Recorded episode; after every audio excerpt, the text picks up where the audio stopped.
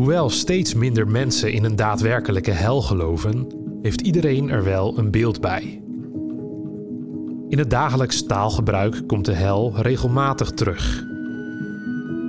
Het idee van eeuwige straf in een brandende hel is echter vandaag de dag niet alleen voor seculieren, maar ook voor veel christenen moeilijk te verteren. In vier afleveringen denken we in deze podcastserie na over de vraag: wat is christelijk denken en spreken over de hel in deze tijd? Deze lezingen werden gehouden op een studiedag over de hel van weetwatjegelooft.nl.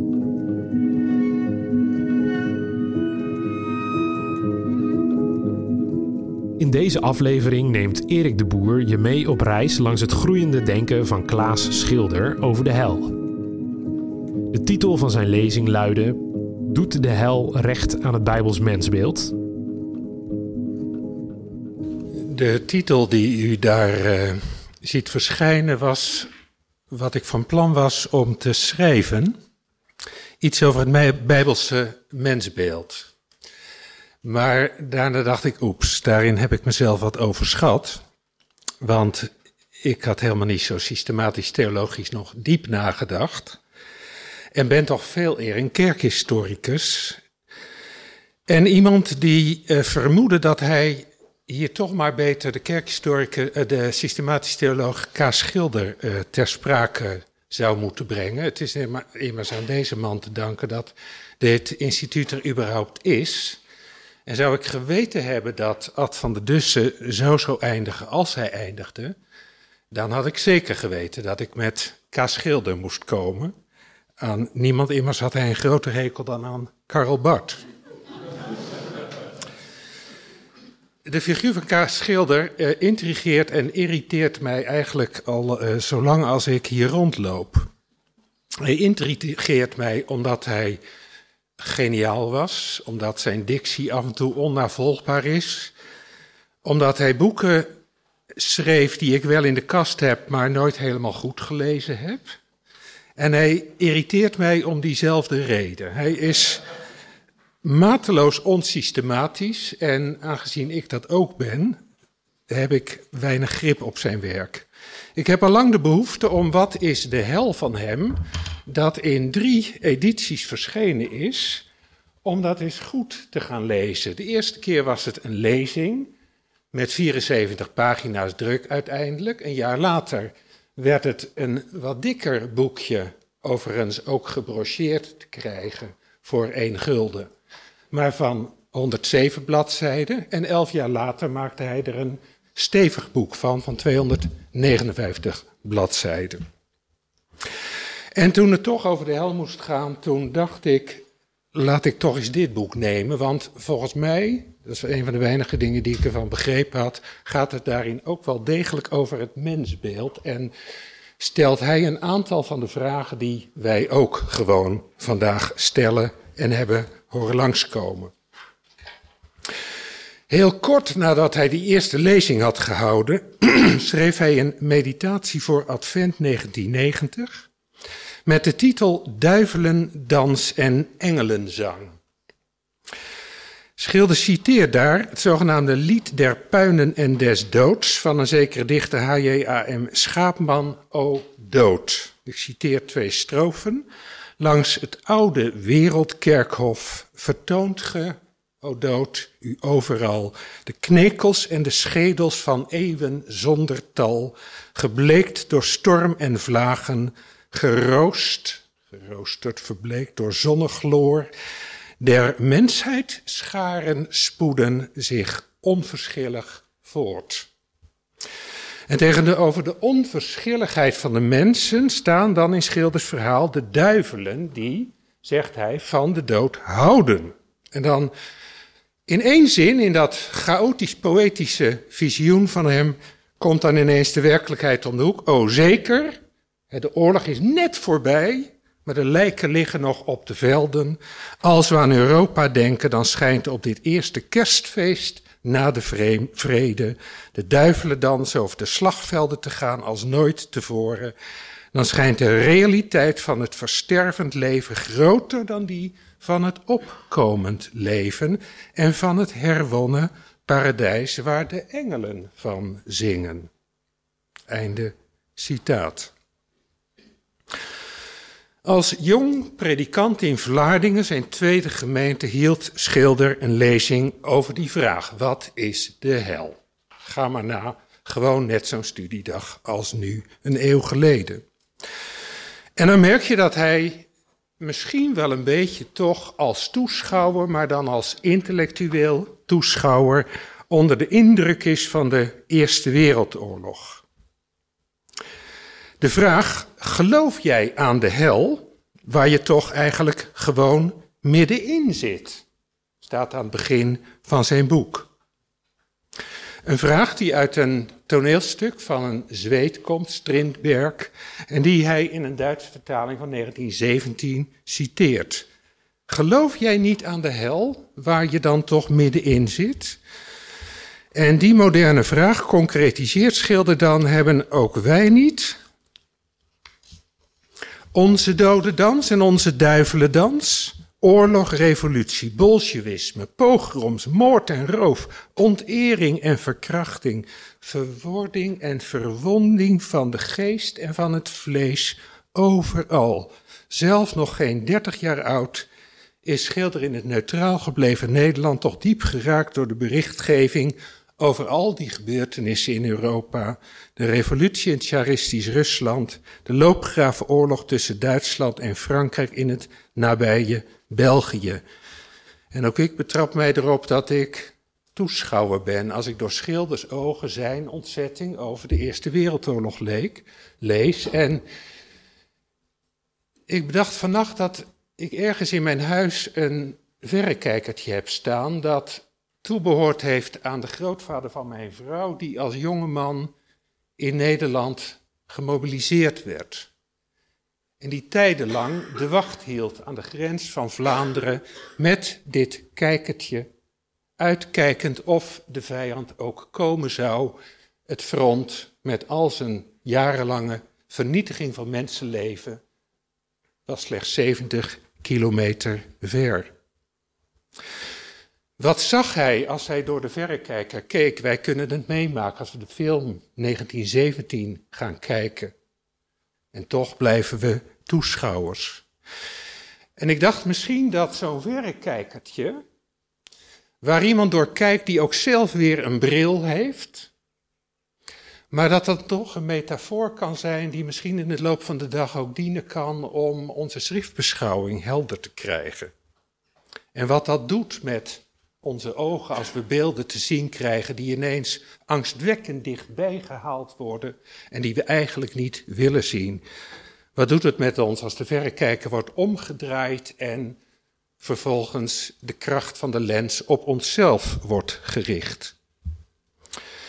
Als schilder in datzelfde naoorlogse jaar het beroep naar de stad Gorinchem aanneemt, dan blijft hij zijn eerste kleine boekje aanvullen. En in juli 1920 verschijnt nu bij J.H. Kok, The Place to Be in Kampen, de geboortestad waar zijn moeder woont, de tweede druk met hier en daar een soms brede aanvulling. Schilder keert zich tegen beschouwingen over de hel als een zuivering. Maar vooral tegen de idee dat de hel vooral de realiteit van het leven nu is en daarin opgaat. En daarom is het dat hij uit het drama, drama Totentans van Strindberg die dialoog tussen Kurt en de kapitein aanhaalt. De kapitein zegt niet in de hel te geloven en Kurt zegt, geloof jij niet daaraan waar je toch middenin zit. De zin om voor deze studiedag deze auteur in dit boek te kiezen ligt daarin dat Schilder wel een vrij klassieke, misschien moet je zeggen hoge leer van de hel biedt. En het kan binnen de postmoderne kaalslag van het leerstellige denken zoals wij dat ondergaan, geen kwaad om aan dogmatische accenten van toen herinnerd te worden. Want in die Wat is de hel komen we ook in aanraking met de originaliteit van Schilders theologie, terwijl ook de leer van de mens mooi ter sprake komt. Mijn tweede paragraafje, aanzetten voor een eschatologie. Een belangrijk verband in Schilders theologie is die tussen de protologie, de schepping en het paradijs, en eschatologie, hemel en hel. En dan bij Schilder niet alleen hemel en hel als verre eindpunten, maar als werkelijkheden om ons heen, die een eigen geschiedenis hebben, die met de aardse geschiedenis verweven is. Ook hij zegt in zijn leer van de hel dat de levensverbanden van de mens, dat is wat de mens tot mens maakt. De band van de mens met zijn God. De band van mensen en engelen, de dienaren, tussen man en vrouw, tussen mens en natuur. Maar zegt hij, dat is nou kenmerkend voor de hel, dat alle banden daar verbroken worden. Mensen komen nog wel samen en dan scheelde congregatio, maar het is geen seut, het is geen innerlijk verbonden raken. Ach, zegt hij, over de plaats van de hel kunnen we alleen met zekerheid zeggen dat hij ons volslagen onbekend is. De beelden waarmee de schrift de hel aanduidt, worm, vuur, zwavel, ze zijn wel niet alleen symbolisch, maar willen toch wezenlijk symbolisch verstaan worden. Schilder komt vandaag dichtbij als hij de tegenwerking bespreekt dat de mens te klein zou zijn, ook in zijn aardse zonden, om eeuwig gestraft te worden. En dat God daarentegen te groot is om die kleine mens te willen wreken. Want, zegt hij, de mens als geschapen tot bondgenoot van God is helemaal niet klein. En dat verbond is nou juist fundamenteel voor het menszoon, immers al in het paradijs, als werkverbond gesteld. Een beetje in de zin van de laatste lezing. Ga dan maar gewoon aan het werk, dan doe je wat God van je vraagt. En alle bezwaren die we over de hel hebben en tegen de hel, hebben, die verdampen in de confrontatie met dit verbond. Want daarin, citaat, heeft God, de maker, met de mens, het maaksel, zich dan in een levend en concreet gemeenschapsverkeer gezet. Gemeenschapsverkeer gecursiveerd. En Schilder schrijft dan in de hen kenmerkende absolute categorieën: verbond wil zeggen Doe je ogen open. Leer leven bij de wet van alles of niets. Nou, dat alles of niets is een korte samenvatting van hemel en hel. Alles is er in de hemel, alles ontvang je in de hemel, niets is er in de hel en alles wat er is, is eruit gehaald. Maar dan niets als een werkelijkheid, een werkelijkheid buiten Christus en zonder God. Dan verwerkt Schilder daarin de spreuk van Jezus uit de gelijkenissen. Want wie heeft, zal nog meer krijgen en het zal overvloedig zijn, maar wie niets heeft, zelfs het laatste zal hem worden ontnomen. En op dat vers, Matthäus 13, vers 12, volgt immers het vonnis. Dan wel niet als Jezus in, zoals Jezus in Matthäus 11, 13 zegt, maar wel zoals hij het in Matthäus 25 zegt, met herhaling van dat vers uit Matthäus 13. En de nutteloze dienaar, gooi die eruit in de buitenste duisternis, waar men jammert en tanden knarst. Schilder parafraseert dan, het verbond daarentegen, die levensgemeenschap van God en mens, opent zijn spreukenboek met het niet ten onrechte wel eens, nee, met het ten onrechte wel eens als paradoxaal aangediende woord, wie heeft, die zal gegeven worden en hij zal overvloedig hebben, dat is de hemel. En wie niet heeft, van dien zal genomen worden ook wat hij heeft, dat is de hel. Derde paragraaf, de ondergang van de antichrist. Ik heb waarschijnlijk ook wel een. Oh, daar zijn ze. Dat is de rest van de lezing. Uit de vroege jaren van die eerste en tweede druk van Wat is de Hel stamt ook Schilders eerste bijdrage aan het zogenaamde gereformeerde theologische tijdschrift over de ondergang van de antichrist. Er is consensus in gereformeerde kring, schrijft Schilder, Namelijk dat de antichrist wel zal zijn een mens. En dan wel de volgroeide, de tot volle evolutie gebrachte mens van de zonde.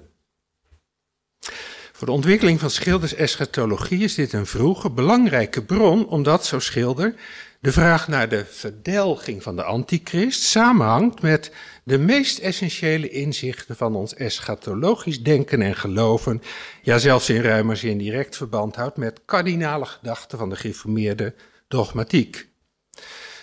Een schilder is daarom een belangrijke dogmatische traditie van deze universiteit, die het mensbeeld heel nadrukkelijk in verband met de hel brengt. Want de ondergang van de mens, die de antichrist heet, is of, schrijft hij in het discours van die dagen, of een lichamelijk sterven, of een verandering die de lichamelijke dood voorbij gaat, of een levend ter helle varen.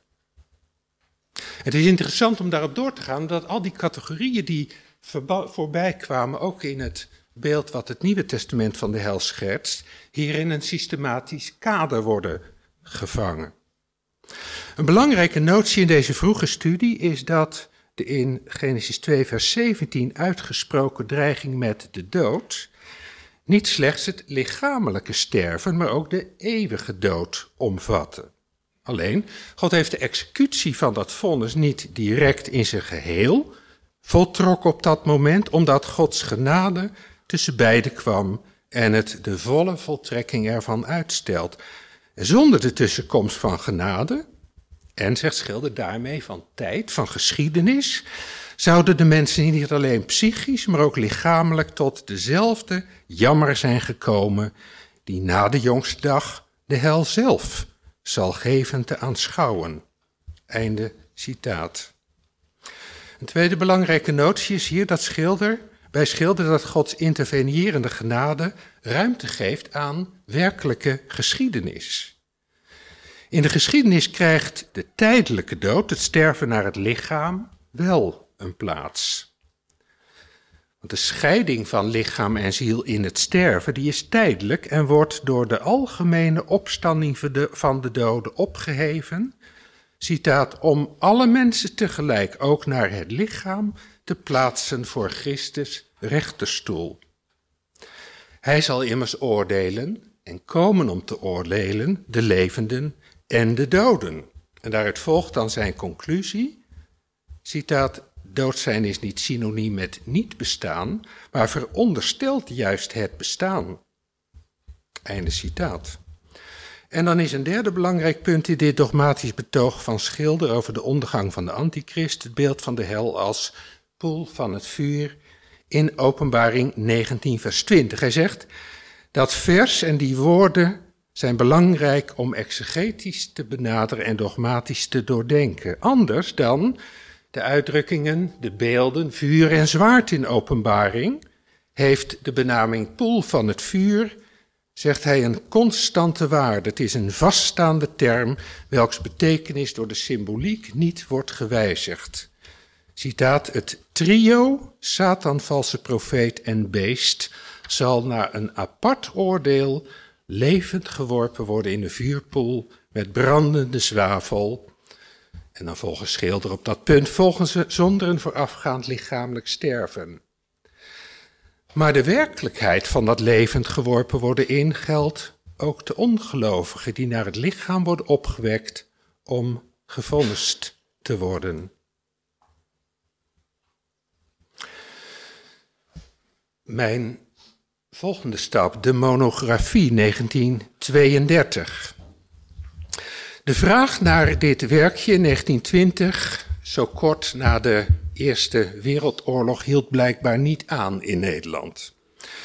Want de volgende herziene en vermeerderde uitgave komt pas in 1932, een in Schilders leven belangrijk jaar. De derde druk verschijnt met als dagtekening in het voorwoord Rotterdam 20 februari 1932. Het werkje groeide van een bescheiden brochure naar een bescheiden monografie, maar wel met 260 pagina's. Schilder is predikant in Rotterdam-Delfshaven. Zijn inmiddels 60 gemeenten sinds hij in 1914 in Amt Vollenhoven begon. Hij heeft zijn exegetisch opus magnum, en dat is voor het verstaan van dit boek heel belangrijk, de trilogie Christus in zijn lijden, inmiddels voltooid, 1930.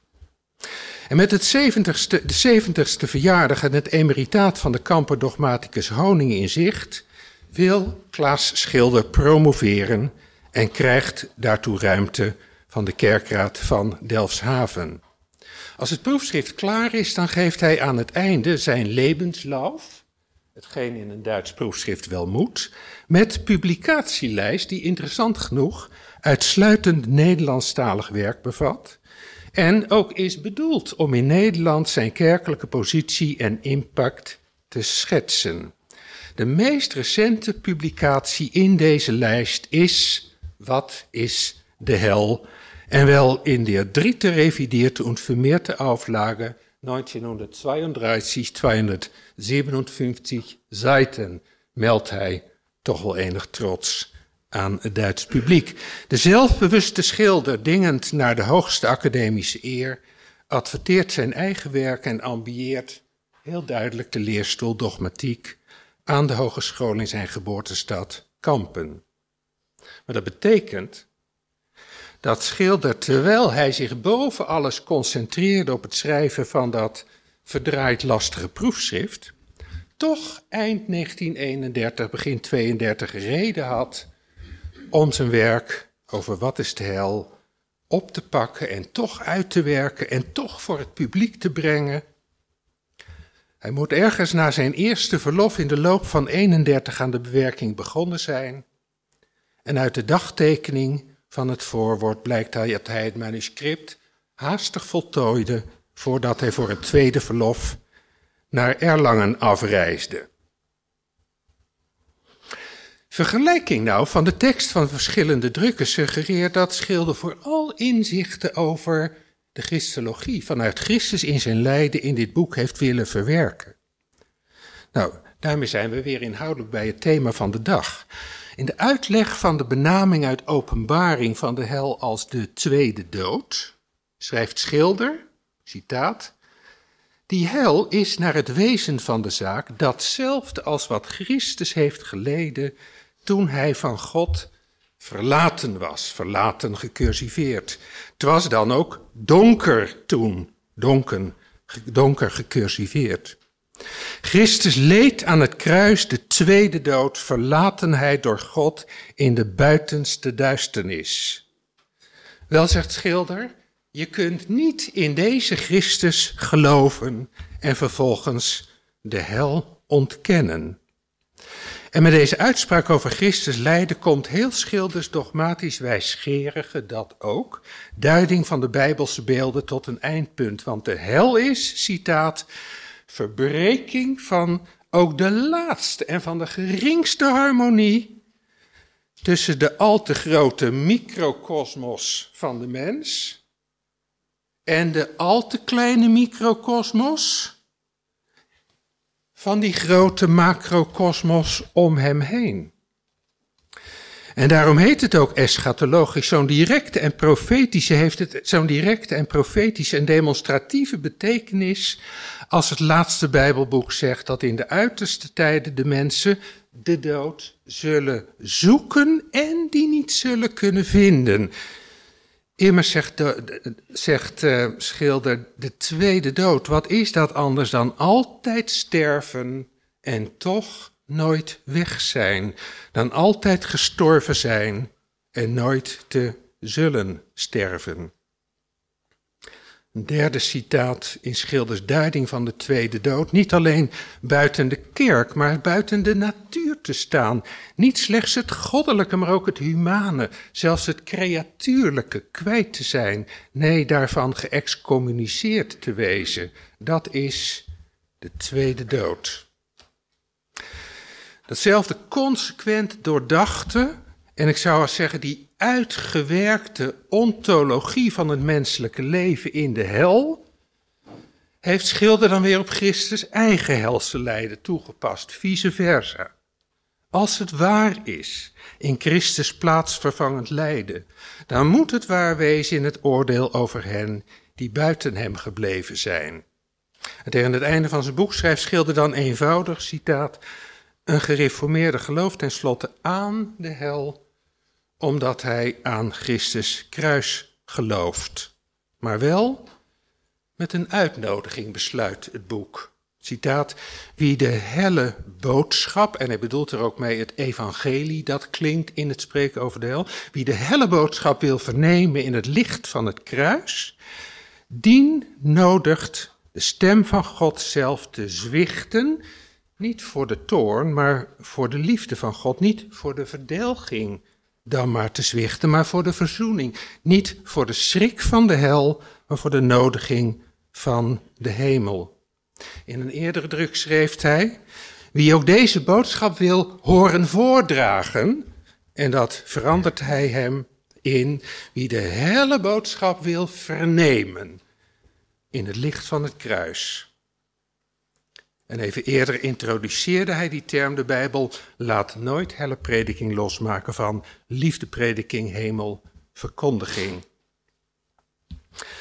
Ten slotte, vraag aan Schilder. Ik ben in mijn uh, druk om dit maar zo goed mogelijk neer te schrijven, niet aan zo heel veel vragen formuleren toegekomen. Ik dacht, die heb u wel. Eén vraag bij Schilders mensbeeld in relatie tot de taal van de hel. Dat betreft de zin in artikel 37 van de Nederlandse geloofsbeleidenis, waar we zeggen: Zij die dan nog leven op het moment dat Christus weerkomt, zullen niet sterven zoals de anderen, maar in één ogenblik veranderd worden en van vergankelijk onvergankelijk worden. Vraag, die Schilder ook opwerpt: Betreft dit nou de gelovigen bij Christus verschijning? Wij die dan nog leven op aarde, of betreft het alle op de jongste dag nog levende mensen? Schilder meent dat ook de ongelovige mensen daarmee bedoeld zijn en dan dus ook zo veranderd worden van sterfelijk in onsterfelijk. Ik meen dat wij ons van dergelijke vragen uit onze vrij recente dogmatische traditie niet te makkelijk kunnen losmaken. Het gaat immers niet alleen over de hel, het gaat ook over de existentie al of niet. En in wat voor vorm van de Satan en zijn duivelen. Het gaat ook over opstanding en oordeel. Ik meen zelf dat uit de Bijbelse gedachte van een algemene opstanding en een oordeel te logisch tot eenzelfde leven na de tijdelijke dood geconcludeerd wordt. Schilder stelt, de opwekking van de doden zelf is nog geen vrucht van Gods genade in Christus, maar dient alleen maar om de mensen als mensen te plaatsen voor de stoel van Christus met lichaam en ziel. Nou, deze, wat Schilder graag ook noemt, verandering in een punt des tijds, lijkt mij in de Heilige Schrift meer evangelie te zijn, want het vergankelijke lichaam moet bekleed worden met onvergankelijkheid. Het sterfelijke lichaam met onsterfelijkheid. 1 Korinthe 15, vers 53. En van het bekleed worden kun je toch niet zeggen, zoals Schilder doet, dat het nog niets met de genade van Christus te maken heeft. Want bekleden is nou juist een beeld met dat wat je van Christus zelf ontleent, terwijl je zelf zo hopeloos naakt was. Ik hoop dat ik met deze systematische theoloog van een generatie waar sommigen van ons nog min of meer door gevormd zijn, um, ook geholpen bent om ook het denken van toen te transponeren in het postmoderne klimaat waarin we Bijbelse theologie en Bijbelse leer opnieuw leren denken. En ik dank u wel dat u heeft willen luisteren.